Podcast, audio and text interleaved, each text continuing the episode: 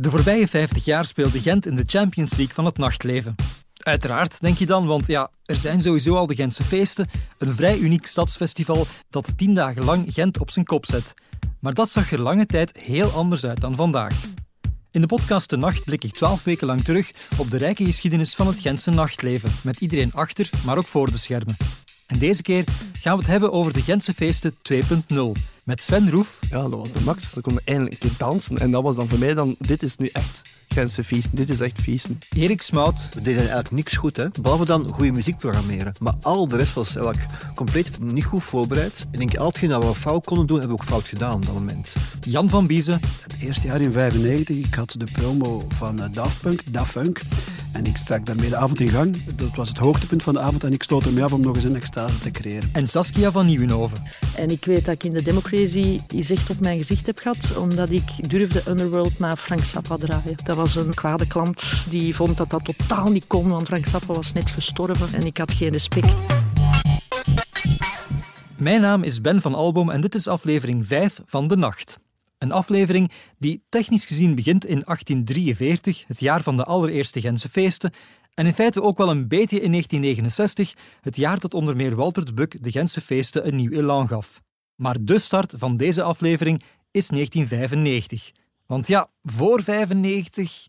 Ik woonde niet in Gent, dus ik, eh, ik had uh, geen enkele affiniteit met Gentse feesten. Ik wist niet wat dat was, echt waar niet. Maar Rudy Akkart, medewerker van Stubru, uh, onder andere Technoville, was een Gentenaar. En die vond dat er in Gent te weinig voor jonge mensen gebeurde tijdens de Gentse feesten. Dat was een almannen uh, onderneming in Gentse feesten. Het was niks dat jonge mensen interessant vonden. En zeker niet als het over de nieuwe trends ging in de dansmuziek, de elektronische muziek die toen echt opkomende was. Dat was niets, echt niets. Dat was dan het idee om iets te doen tijdens Gentse feesten met, met, met, parties en DJ's op een plek in de stad die niemand kende. We hebben toen uh, een, een oude oude pand uh, gehuurd voor, voor tien dagen en we hebben daar tennis of georganiseerd, tennis of techno in eerste instantie, dat was de naam. Dat was voor ons Gentse feest. Dat was toch voor mij een ontdekking Gentse feest. Ik had dat nog nooit meegemaakt. Zoveel mensen, tien dagen lang op straat. Ik vond dat echt merkwaardig. Dat er vanaf s morgens of s middags dat er bakken mensen op straat waren en dat er volle bak bier werd gedronken de hele dagen door, tot uh, s morgens in de vroegte. Voor mij was dat een ontdekking, uh, maar ik moet zeggen dat ik niet echt door de Gentse feest was gecharmeerd op dat moment eigenlijk. Ik was met mijn eigen ding bezig en dat was de tennis of techno. Ik kende de Gentse feesten heel goed. Ik, ik kwam al vele jaren. Ik ben zelf uit de Dendermondse en ja, het was gewoon een vaste stek. En het klopt een beetje wat Erik zei. Ja, heel leuk, maar toch een beetje blijven hangen in de jaren zestig, zal ik maar zeggen. Um, folklore, maar leuk. Wel, wel met, het, met het typische Gentse anarchistische randje eraan. En dus heel leuk. En, en, en ja, op straat en, in cafés. En dan natuurlijk Sint-Jacobs en dan de klassiekers die daar optraden. En dan Raymond van het Groenewoud. En eigenlijk de, een traditie. Uh, maar ja, in de jaren negentig gebeurden er ineens heel veel boeiende dingen uh, uh, in de jongere cultuur. Um, en die hebben dan hun weg gevonden naar de Gentse feesten via een aantal uh, mensen die, uh, ja, die gewoon dingen georganiseerd hebben. Um, en het, het, is om, om vele redenen, denk ik, daar toch een, niet alleen de Gentse feesten zelf, maar ook toch een omslag geweest. Want ik heb sindsdien, ik ken Gent, ik heb hier ook uh, een paar jaar gestudeerd alleszins rondgelopen. Uh, sindsdien heel hard zien veranderen van clubs. En, en er was een geschiedenis, zeker. Hè, die komt in deze podcast uh, uitgebreid aan bod. En die kende ik ook wel, Kuipersky en een aantal dingen. Maar als het gaat over zeg maar, het, het, het, weefsel, dan uh, begin jaren negentig was Gent vrij... ja, ik ga het noemen zoals ik het toen altijd dacht. Een beetje blijven hangen in de 60s, hippies en, en, en leuk. En, en, maar niet echt spannend. Ik herinner mijn eerste Gentse feesten wel nog levendig, want ik, ik, ik had gehoord van Gentse feesten, nou is tien dagen feest. En ik had zoiets van, oh, tien dagen feest, dat gaat wel de moeite zijn. Maar toen heb ik heel snel ook ontdekt dat dat, feest dat dat eigenlijk gewoon, ja, zoals je net zegt, hè, concerten waren en, en, en, een braspartij zuipen en bijna of zo goed als geen plaats waar ik kon dansen. Ik was maar al te, al te blij als er dan achteraf, dan een paar jaar later, dan er dan toch wel dan plots de eerste editie van Ten of Techno was, die in, in de Red Building. Dat was, een, ja, dat was de max. We konden eindelijk een keer dansen. En dat was dan voor mij dan, dit is nu echt Gentse feesten. Dit is echt feesten. Misschien moet ik nog even iedereen voorstellen. Sven Roef, die je zo net hoorde, trad eind jaren 90 in dienst van de Vooruit, waar hij van meet af aan waakte over Ten Days dat na enkele memorabele omzwervingen in de cultuurtempel terechtkwam. Erik Smout werkte 18 jaar voor Studio Brussel en richtte in 95 Ten Days Off op, toen nog Ten Days of Techno, samen met Rudy Victor Akkaert en Philippe de Lieser. Ook Jan van Biezen is uiteraard bekend van Studio Brussel, maar in de jaren 90 zeker ook al als DJ op onder meer de Gentse feesten. En dan is er nog Saskia van Nieuwenhoven, die in 95 op de tweede dag van de allereerste Ten Days of Techno draaide, samen met onder meer Kenny Larkin en Trish van Einde. Ik ben altijd wat atypisch geweest. Ik heb nooit echt enkel jungle gedraaid of enkel hip-hop of enkel techno. Ik was, denk ik, dat is de niche waar ik denk dat ik iets betekend heb. Ik heb voor de metal scene vooral de dans leren kennen. En ik weet dat ik in de Democracy iets echt op mijn gezicht heb gehad, omdat ik durfde Underworld naar Frank Zappa draaien. Dat was een, uh, een kwade klant die vond dat dat totaal niet kon, want Frank Zappa was net gestorven. En ik had geen respect. Maar dat had echt twee. Hè. De clans die daarvoor open stonden en de clans die dat echt... Uh, ja, het verkrachten van het optreden van de gitaarband vond, als je daarna dans oplegde. Je had inderdaad een schisma, de rockers en de Johnny's. Hè. Dus, uh, toen ik uh, met concerten te organiseren begin jaren 90 in Antwerpen, hadden we een club, de Pacifiek, uh, waar we alleen concerten deden en parties, maar dat waren niet echt parties met elektronische muziek, dat waren meer funk en soul parties en acid jazz parties en zo. En wij zeiden van, wij willen eigenlijk geen dans in onze club. Ja? We waren echt tegen hè, op dat moment. Echt, echt waar. Mijn collega Philippe heeft dan echt gezegd van ja, we doen geen dance, want dat is voor de discotheken. Ja?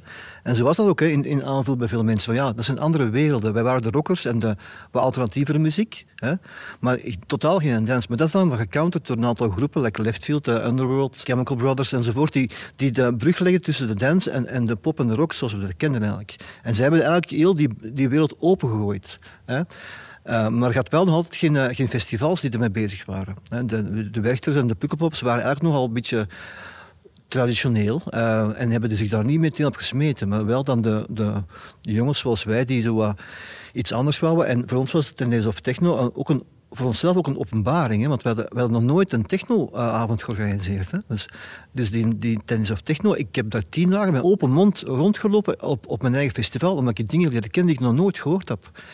Ik heb ook elke avond op de dansvloer gestaan, uh, op, op, al die, op al die DJ's, van Dave Angel tot Juan Atkins en, en Derek May enzovoort. Dat waren voor mij uh, ongelooflijke, ongelooflijke avonden eigenlijk. wij kwamen dus van, van de rock'n'roll en we leerden dan de dans kennen, eigenlijk een beetje het omgekeerde wereld. Hè. Dus de, de Johnny's waren er al langer mee bezig. Ik moet dat bekennen, dat, dat ze toch een beetje voor, voor waren moment tegenover wij, die dat toch een beetje te laat hebben ingezien eigenlijk. Maar eigenlijk is in de jaren, midden jaren 90 gebeurd in Gent wat over het hele land gebeurd is. Inderdaad, er was iets, het kwam van alle kanten, drum and bass, uh, uh, techno, uh, maar ook een heel belangrijke beweging was de, de breakbeats, de wall of sounds. En, en want ik herinner me, in de Pacific werd dat dan wel gedraaid. En, maar daar zat die referentie in naar wereldmuziek vaak, Latin ritmes, maar ook samples uit oude rockplaten hè, van de Beatles tot en, en, en funk en, en, heel die, en dat was wel acceptabel. Terwijl de energie die er hing in de jaren 90, ja, dat was wel één soort energie, of het nu ging om, om grunge of over techno, dat was gewoon de tijdsgeest. En, ja, eh, na een tijd kon je daar gewoon niet meer tegen vechten, want die was er gewoon en je zag het overal gebeuren, van de, van de jeugdhuizen, maar ook in de clubs, waar ook alles meer begon te mengen enzovoort enzovoort. En ja, het hing in de lucht. Het was best een hele, een hele uh, creatieve periode, waarin onder andere een monument als, als de Gentse Feesten toch, ja, door al die initiatieven en wat er ineens aan boeiende dingen gebeurde, muzikaal, ja, uh, een transformatie gekend hebben. Die transformatie die kwam er op de Gentse feesten dus in de eerste plaats in de vorm van 10 Days of Techno. Een tiendaags festival met onder meer Juan Atkins, Luke Slater en Stacey Pullen. En met een naam die belachelijk simpel was, maar de lading toen nog wel redelijk goed dekte. Maar wie van de drie is erop gekomen? Erik, Rudy of Philippe? Ik denk dat dat, dat, toch Rudy Akkart moet geweest zijn. Ik, ben, ik weet het niet meer eigenlijk. Um, en Johnny met smaak? En, ja, ja, ja Rudy, Rudy, was inderdaad een Johnny, een baron. Hè, um, die, die, die op dat vlak uh, de tijd vooruit was, denk ik. Maar Rudy heeft dat inderdaad geïnitieerd. Uh, dat was zijn idee en ook, uh, heeft dat ook helemaal vormgegeven. Ook de, de, inderdaad, de vormgeving die we met Daan Stuiven gemaakt hebben, de zanger Daan, die heeft dan de eerste posters gemaakt en de eerste flyers. Echt briljant artwork, ook in alle eenvoud. Ehm, uh, dat was echt, uh, ja, op dat vlak uh, was het ook een nieuwe tijd. Dus, de vormgeving van affiches ja. en flyers, dat was ook nieuw. Hè, dus ja. we gingen echt voor elk feestje een aparte flyer maken. En, en, en posters. En, uh, en dan werd ook uh, uitbundig geflyerd en uh, geafficheerd. We gingen dat ook zelf doen. We gingen s'nachts op stap met een papborstel om, om de stad vol te hangen. Dat soort dingen deden we dan allemaal. Dus, Wie was eigenlijk de programmator die eerste jaren? Dat is eigenlijk altijd Philippe de Lieser geweest. Hè? Dus ook, ook altijd... In het begin was dat een beetje een gemengde onderneming. Dus ik heb ook zelf in mijn eerste jaar wat geprogrammeerd. Rudy, Rudy ook. En met hulp van mensen van RNS bijvoorbeeld. Katrien, Katrien Klausing heeft ook meegeholpen enzovoort. Want wij hadden ook niet alle contacten op dat moment. Uh, we hebben geprobeerd om ook... We hebben proberen heel veel rechtstreeks te boeken in die tijd. Dus uh, rechtstreeks contacten. Ook met de, de Detroit techno-namen hebben wij proberen rechtstreeks contact te leggen. En Philippe heeft uh, in al die jaren heel veel contacten opgebouwd. En heeft heel veel agenten leren kennen uit het buitenland. En heeft rechtstreeks geboekt. Dus niet via de geplogen kanaal die we nu kennen, via de boekers enzovoort. Via Live Nation. Het was heel anders. En Philippe is dat blijven doen. Eigenlijk. En, en dat was ook een beetje de koppigheid die Tennis of een beetje stipeerde, denk ik. Dat we, dat we eigen contact hadden en dat we sterk genoeg stonden om ook al die DJ's bij ons binnen te halen. Hè. De topnamen uit de sector. Hè. Dus de, van Jeff Milson tot de Laurent Garniers. We kennen die ook allemaal persoonlijk na een tijd. Hè. Dus dat was wel de kracht van Tennis of, denk ik. En de kracht denk ik ook dat RNS in Gent lag. Want ik weet nog dat wij... Uh, ik heb voor RNS gewerkt trouwens. En uh, dat wij een RNS Republica organiseerden waar dan al die DJ's langskwamen. En op den duur had ik... Uh, er was geen hotel, dus was puur overmacht. Geen hotel. Ik weet al niet meer om welke reden. Er was een groot evenement in Gent, volledig buiten de dans zien. Waardoor dat ik had gezegd, ja, uh, die mag gerust uh, ook bij ons logeren, maar dat is gewoon een bed in een studentenkot beneden in onze living wel draaitafels en uh, platen. En dat ging als een vuurtje. Dus uh, Atkins, Derek May, iedereen. Ja, maar wij willen geen hotel, wij willen daar, want daar kunnen we tot morgens op die draaitafel spelen. En dat was, ik woonde toen in de Raspuisstraat aan het water hier.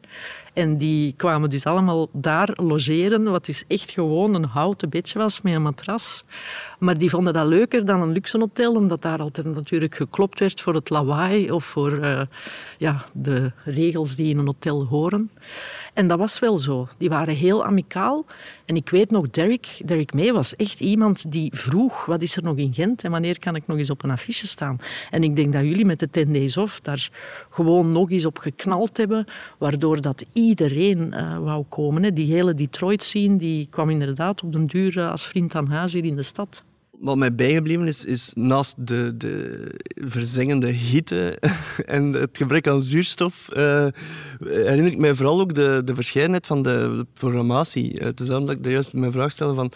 Ik, het viel mij op dat er ook, het was niet altijd puur een techno. Het was ook meestal bij het begin wat ambient toestanden. Uh, dat, dat ik er ook een paar keer binnengestapt ben en dat ik zoiets had van oei, wat is dat hier?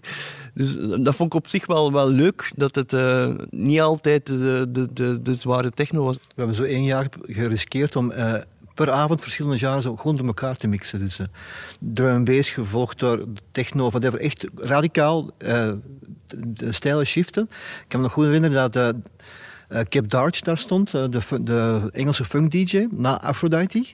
En dat hij zichzelf aankondigde, so this was shite, now it's the real thing. Zo, om maar te zeggen hoe verschillend de verschillende uh, DJ's en, en genres waren. Dus dat was echt wel ook niet echt een geslaagd experiment, moet ik achteraf uh, bekennen. Dus we hebben dat niet meer gedaan nadien. Het was wel een veel va-et-vient uiteindelijk ook mm. wel. Hè. Dus op zich was dat niet altijd... Het was gewoon ja. kijken van het moment ja. dat je binnenkwam, welke genre dat was. Was het oké? Okay? Bleef je? Was het niet oké? Okay? Ging je wel een uur later terugkomen? Het had wel een heel artistiek karakter ja. toch ook? Hè? absoluut. absoluut ja. Ja, De eigenzinnige keuze van Philippe. Dus Philippe heeft daar, heeft daar een stempel op gedrukt. En ik denk dat dat in, in, het landschap in België niet gezien is wat er op tennis of gestaan heeft. Zonder mij te veel over onszelf te willen stoeven.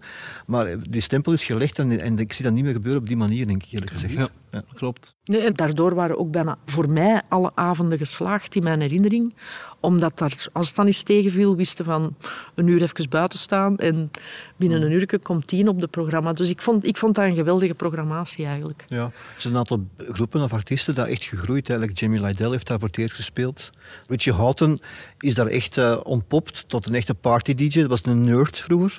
Hè? De, nog? Echt nog altijd, maar toch, maar, maar die, was, die, die is daar gegroeid als, als ongelooflijk goede DJ, de beste DJ ter wereld, denk ik, op dat moment. Het was ook de, de kracht, vond ik, toen hij Tennis of naar hier naar vooruit gekomen is, was ook de kracht dat er meerdere zalen waren. Er waren drie zalen en elke zaal had wel zijn genre.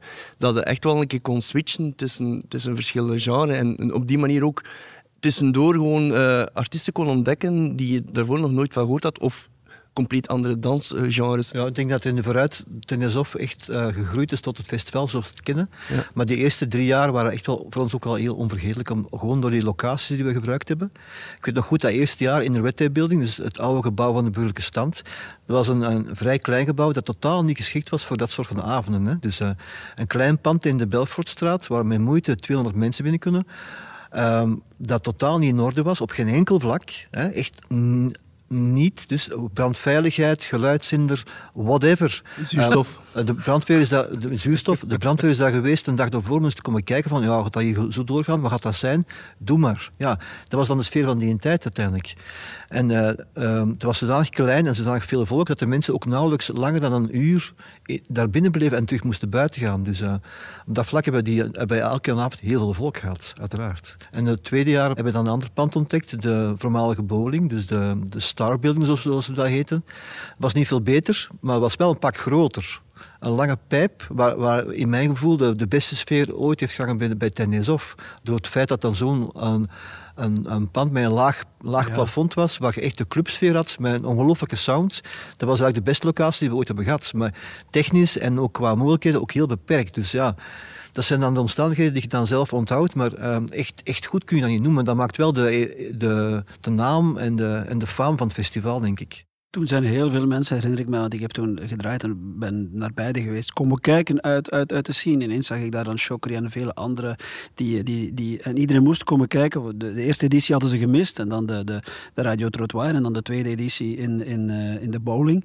En toen zijn heel veel mensen uh, die uh, nog traditioneel bezig waren met concerten en verder komen zien. Wat, wat, is, wat, wat gebeurt er? We, we, moeten eens komen kijken wat hier en dan. dan ik, ik zie zo Chokri en andere mensen nog binnenkomen en echt, echt hun, met grote ogen kijken van wat is hier aan het gebeuren? Wij moeten uh, mee.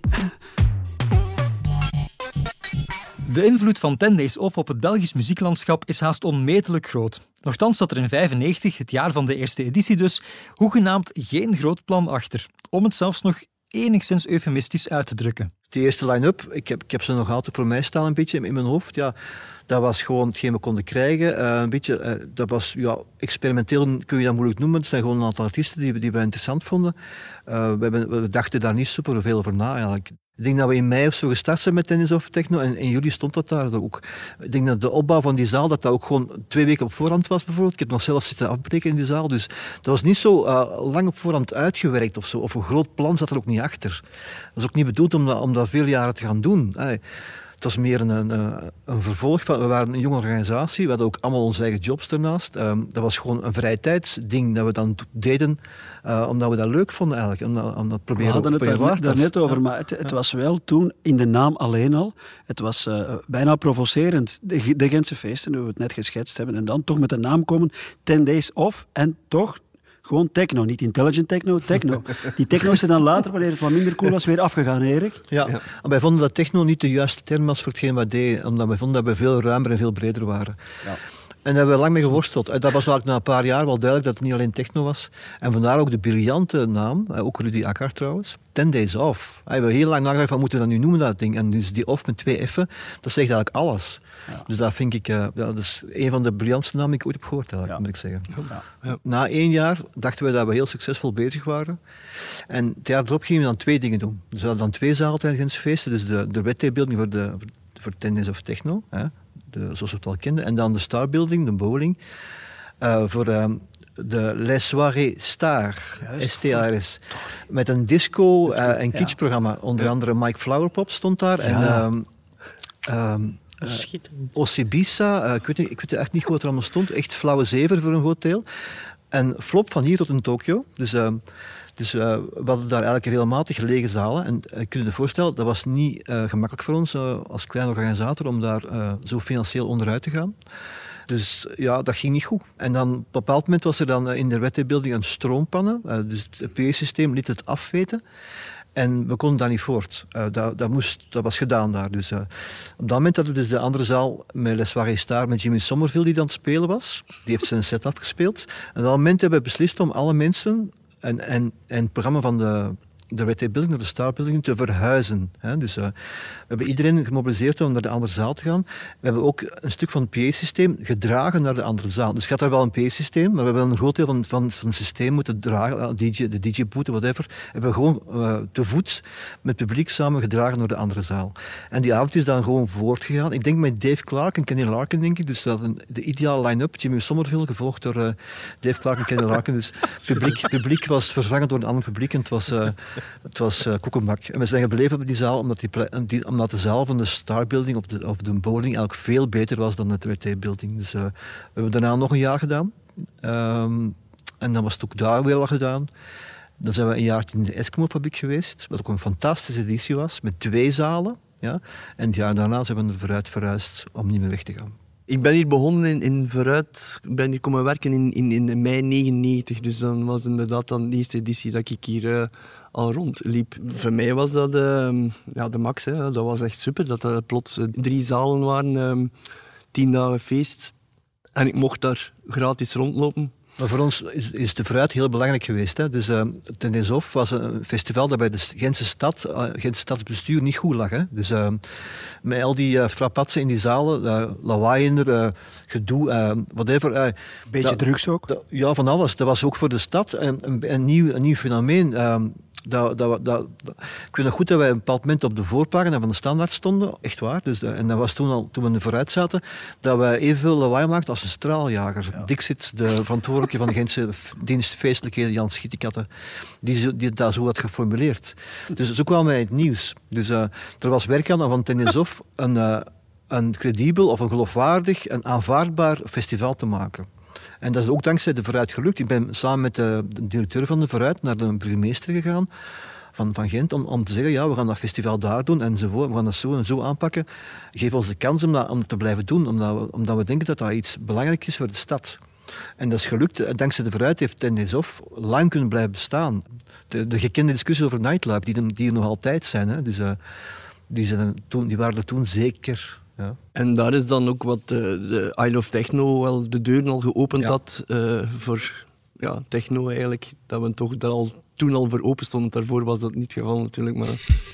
Met de opkomst van elektronische muziek en de wildgroei in België aan clubs, parties en nu dus ook festivals, steeg ook de vraag naar portiers. Een erg lucratieve bezigheid die bij gebrek aan regelgeving niet altijd zorgde voor de aangenaamste sfeer aan de deur en uiteindelijk ook aanleiding gaf tot heuse portiersoorlogen. Tot er in 1999 een wet werd gestemd die voorschreef dat portiers een vergunning nodig hadden en er een heel nieuw tijdperk aanbrak. Ja, we hebben eigenlijk altijd met goede security mensen gewerkt. Hè. Rudy en Mustafa zijn zo twee toonbeelden van, van de, de echte Echte security man, dat zijn, dat zijn toffe mensen, dat zijn redelijke mensen, die, kunnen, die kennen hun publiek enzovoort. Dat zijn geen krachtpatsers die, eh, die, daar macho staan te wezen. Die zijn sterk, uiteraard, ze moeten sterk zijn, maar die hebben toch meer sociale functie gekregen dan wat er vroeger als security werd aangezien eigenlijk. Ja, ik herinner mij nog de dagelijkse briefingen van elke avond zaten wij samen met Rudy om te bekijken wat, hoe dat de, de hele avond er ging uitzien, welke DJ's aan welke zaal gingen staan. De crowd control was dan ook uh, iets nieuws. Zeker ja, hier vooruit, het is, geen evident gebouw. Drie zalen. Uh, het zijn al redelijk veel trappen. Uh, en de ene DJ bracht wat meer volk op de been dan de andere. Dus dat was elke avond wel bijna een uur daar zitten in puzzelen van kijk, ja, uh, dat zal misschien een probleem zijn, misschien die een DJ, dat volk zal allemaal daar willen naartoe gaan. En dat was de expertise van Rudy echt wel waardevol. Probleem van veiligheid, nu je het zegt, ja, uh, aan elke deur moest er minstens één, één, één, persoon staan en in de zaal een aantal. Ja, dat was ongeveer de meest lucratieve job die er opeens was. Hè, want je moest inderdaad uh, sterk zijn, maar in het beste geval ook heel sociaal en sociaal intelligent zijn. Um, en ja, er waren gewoon veel meer mogelijkheden dan dat er capabele mensen waren om, dat te verzekeren. En in Vlaanderen, je had ze bij honderden nodig in een weekend. En er waren er niet zoveel met dat profiel. En dus werd er altijd bijna dezelfde gegrepen, die toch in hetzelfde circuit de, hele scene rond Rudy en zo, omdat die ook ja, die community en dat publiek kenden. En dus ja, dat was een heel, nu je het, nu je het zegt, ja, onmiskenbaar aspect uit het, uit het nachtleven dat in de jaren negentig een beetje onderschat wordt. Ja, ja, inderdaad onderschat. Want ik denk dat hij het beter kon doen, Jan, als wij op Studio Brussel, om in te schatten, het is die een rapgroep dan moet ik zorgen dat die twee aan de deur staan, want dan komen ze van Brussel. Absoluut. Ja, dat was, Dat is een schitterend iets, hè, van dat helemaal te doorgronden. Dat was, dat was effectief ook bij Ten Days Off. Ook, eh, elke avond had hij op voorhand al eh, nagedacht over wat genre dat was. eh, wat zo'n genre publiek het ook ging opbrengen. En, en, en ook gewoon welke problemen. En aan de hand daarvan kon hij ook personeel kiezen. Het was niet gewoon altijd dezelfde.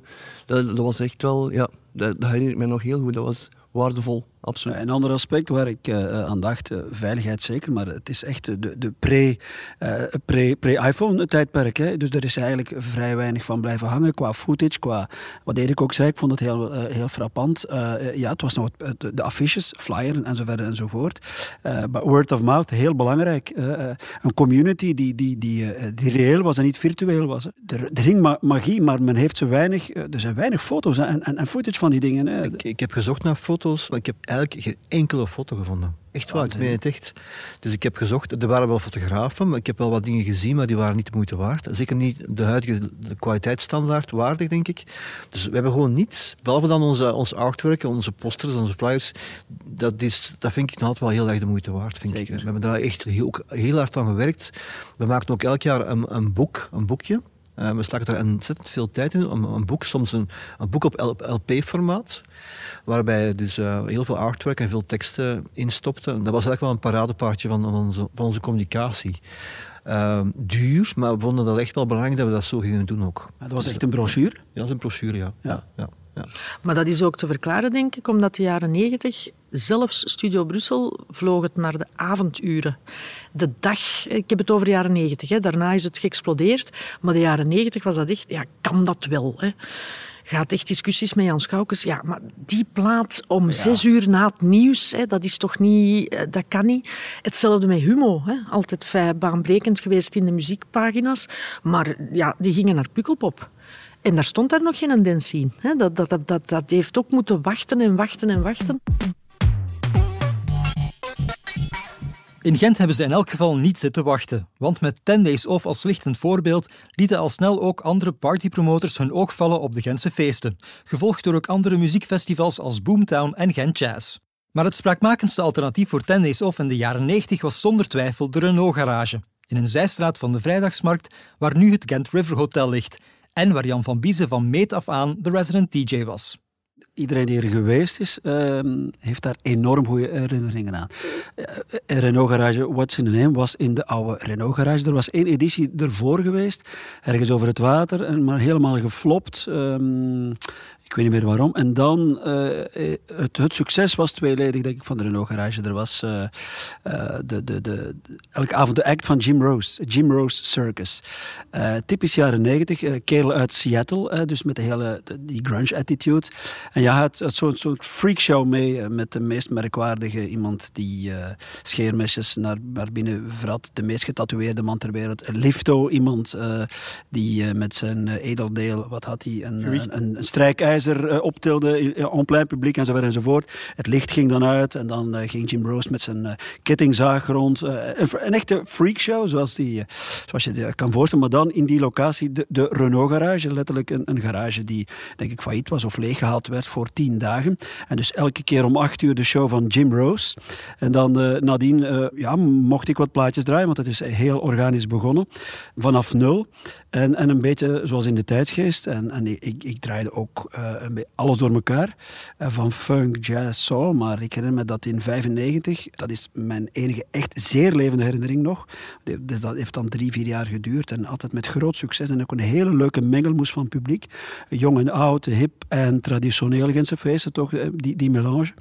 Maar het eerste jaar in 95, ik had de promo van eh, Daft Punk, Daft Funk.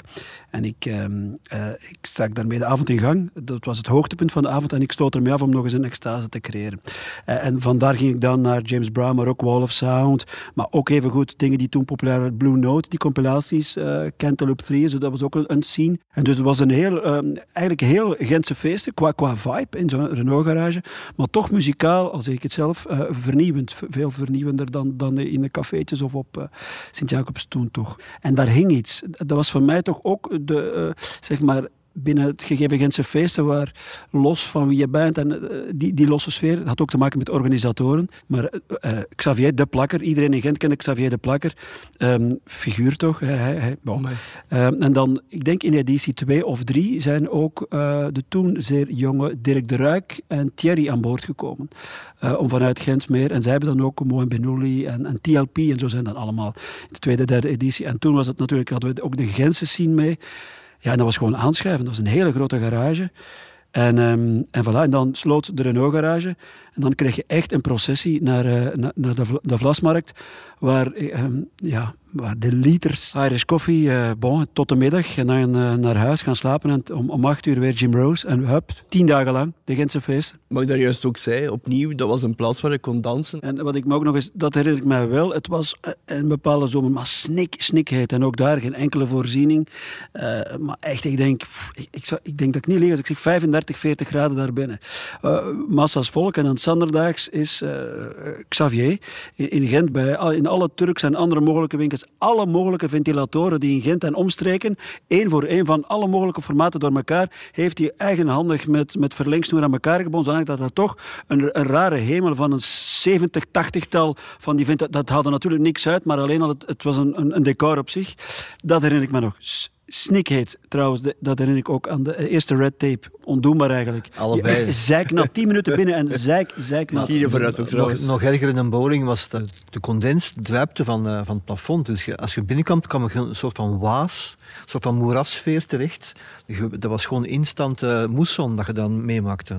Misschien is alles nu te goed georganiseerd. Hè? Ja. Maar ik wil echt bekennen dat wij niet konden organiseren in die tijd. Hè. We waren echt, uh, we waren echt ik moet zeggen dat wij, dat wij echt uh, flapdrollen waren die niet wisten waar we mee bezig waren. Hè. Want we deden eigenlijk niks goed. Hè. Behalve dan goede muziek programmeren. Maar al de rest was eigenlijk compleet niet goed voorbereid. We hadden geen draaiboeken. En Filip was daar ook een held in natuurlijk. Hè.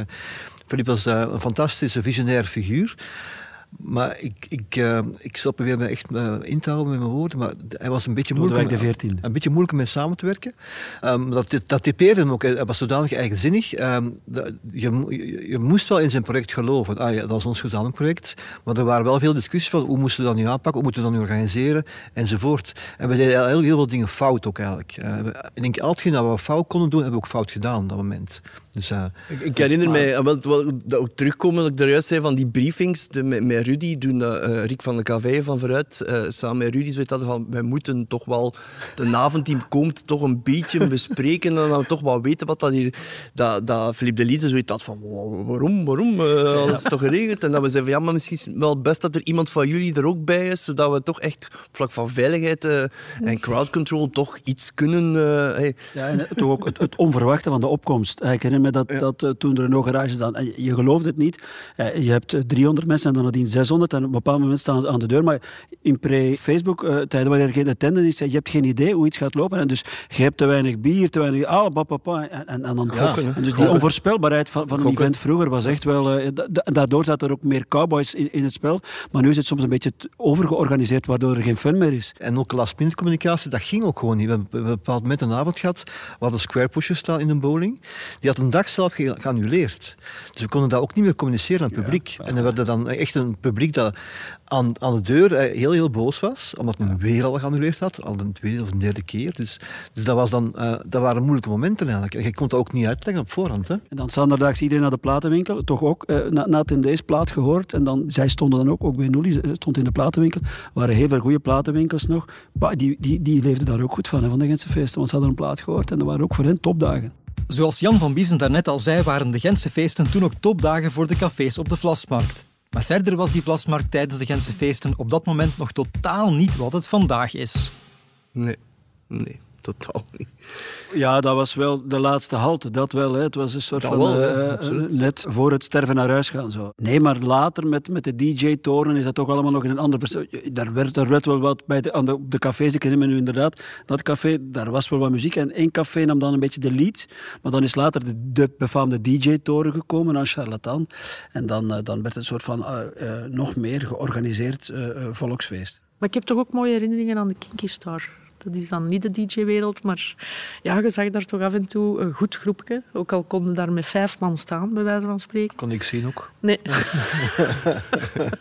het kon nog erger dan de, de, red, de red tape vooral ook de, de ambio, dat wordt nogal snel vergeten. Dat is voor mij ook persoonlijk de ambio rechts over de charlatan. Uh, nog pre-decadence tijdperk. Ook een, een, een, van de eerste cafeetjes hier in Gent, waar dat er, danscafeetjes, waar dat er techno werd gedraaid. Waar je ook tot, tot s morgens, middags kon gaan, gaan feesten. Waar dat ook tijdens de Gentse feesten, zelfs ook, uh, welke periode, 97, 98, dat er nog geen sluitingsuur was op de Vlasmarkt. En dat je dan eigenlijk dat alle cafés om, om, om 7, 8 uur s ochtends wel sloten.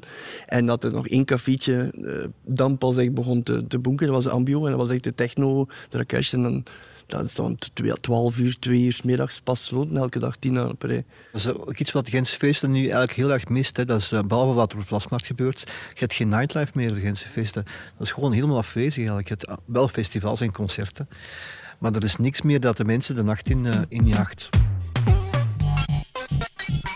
En dat heeft natuurlijk voor een groot stuk ook te maken met het verdwijnen van Ten Days Off in 2014, 20 jaar nadat het festival een nieuwe smoel en een nieuw geluid gaf aan de Gentse feesten. Het gemis aan Ten Days Off is vandaag dus nog voelbaar. Maar wat is er dan op het einde juist fout gelopen? Goh, ik denk niet dat Ten Off niet meer goed was of zo. Ik denk dat het gewoon een... Uh dat er andere spelers gekomen zijn. Dus dat de grote festivals uh, de dansmuziek hebben ingehaald. Hè? En ook uh, dat het voor tennis ook niet meer haalbaar was financieel om die bekende en grote DJ's te boeken.